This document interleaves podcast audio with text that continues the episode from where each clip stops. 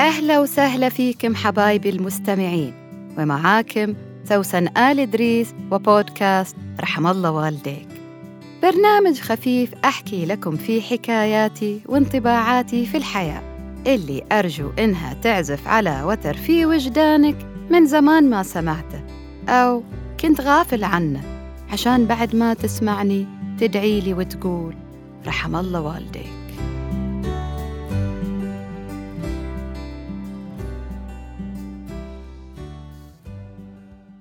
لا تحزن.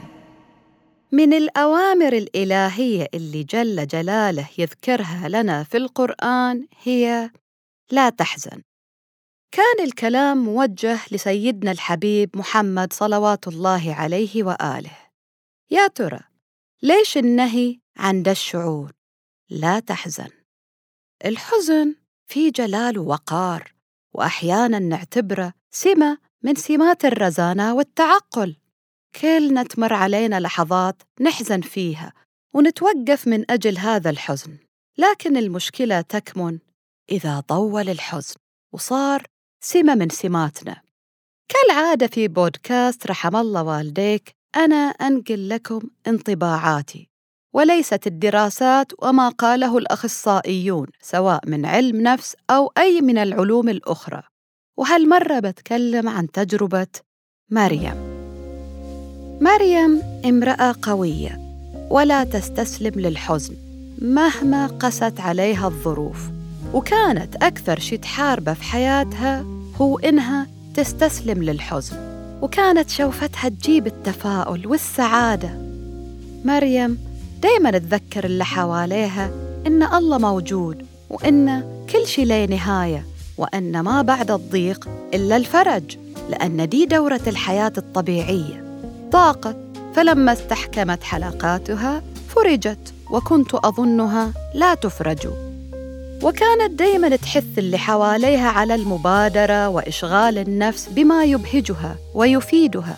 لكن يا سبحان الله أحيانا باب النجار يكون مخلوع.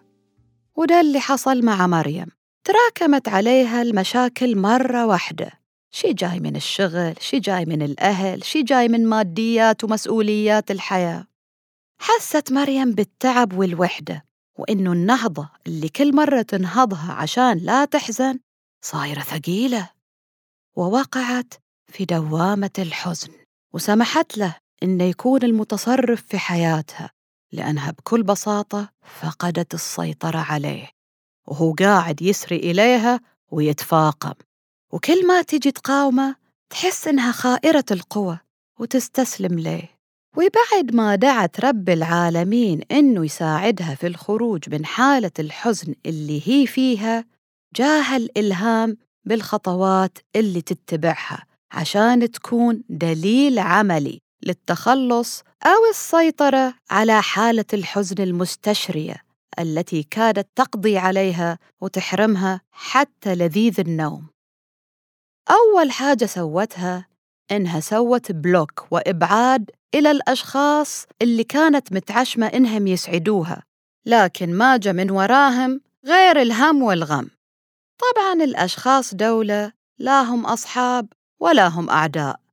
أنت بس تصور لنفسك إنهم حبايب بخيالك اللي يحب يشوف الدنيا بمبي لكن هم مجرد ناس تحب نفسها. ومعتبرة طلتها عليك من عظيمة مفروض تقدرها. شكرا. أذيتونا كفاية. برا.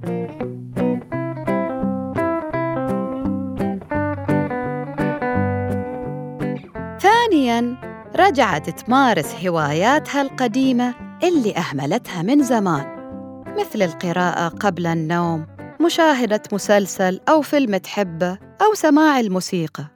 رجعت لممارسة الرياضة بشكل خفيف ما يضغط على أعصابها ويحسسها إنها ثقيلة. قامت تتواصل بشكل أكبر مع الناس اللي فعلا يحبوها ويتمنوا ليها الخير.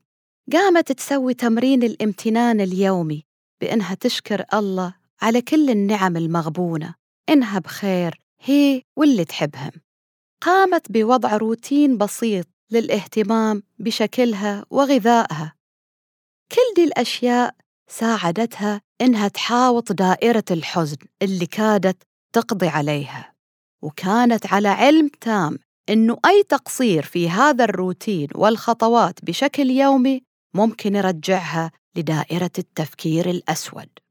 فالسعادة ومكافحة الحزن ليست عمل مؤقت ولا هو روتين واحد بل هو سلسلة من الحركة اللي تكثر البركة ما في شي يغير مكانه من تلقاء نفسه. اعتبر الحزن ده مثل الصخرة اللي واقفة في طريقك. إذا ما بذلت مجهود في إنك تحركها فهي بتضل موجودة. وغير الصخرة دي في صخور كثيرة بتقابلك. بس أنت خلاص عرفت اللعبة. والمؤمن لا يلدغ من جحره مرتين. خلاص عرفت التكتيكات اللي عليك تمارسها. الحزن يسبب العجز فلا تحزن.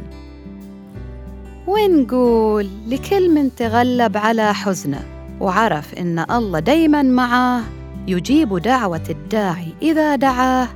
رحم الله والديك.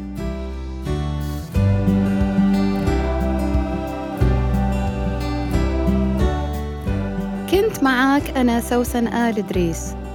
لا تنسى تشارك الحلقة مع اللي حواليك. وتتابعني على حساباتي في ال social media. واللي حطيتها لك في وصف الحلقة. الحين أقدر أقول لك أتمنى لك يوم جميل ورحم الله والديك.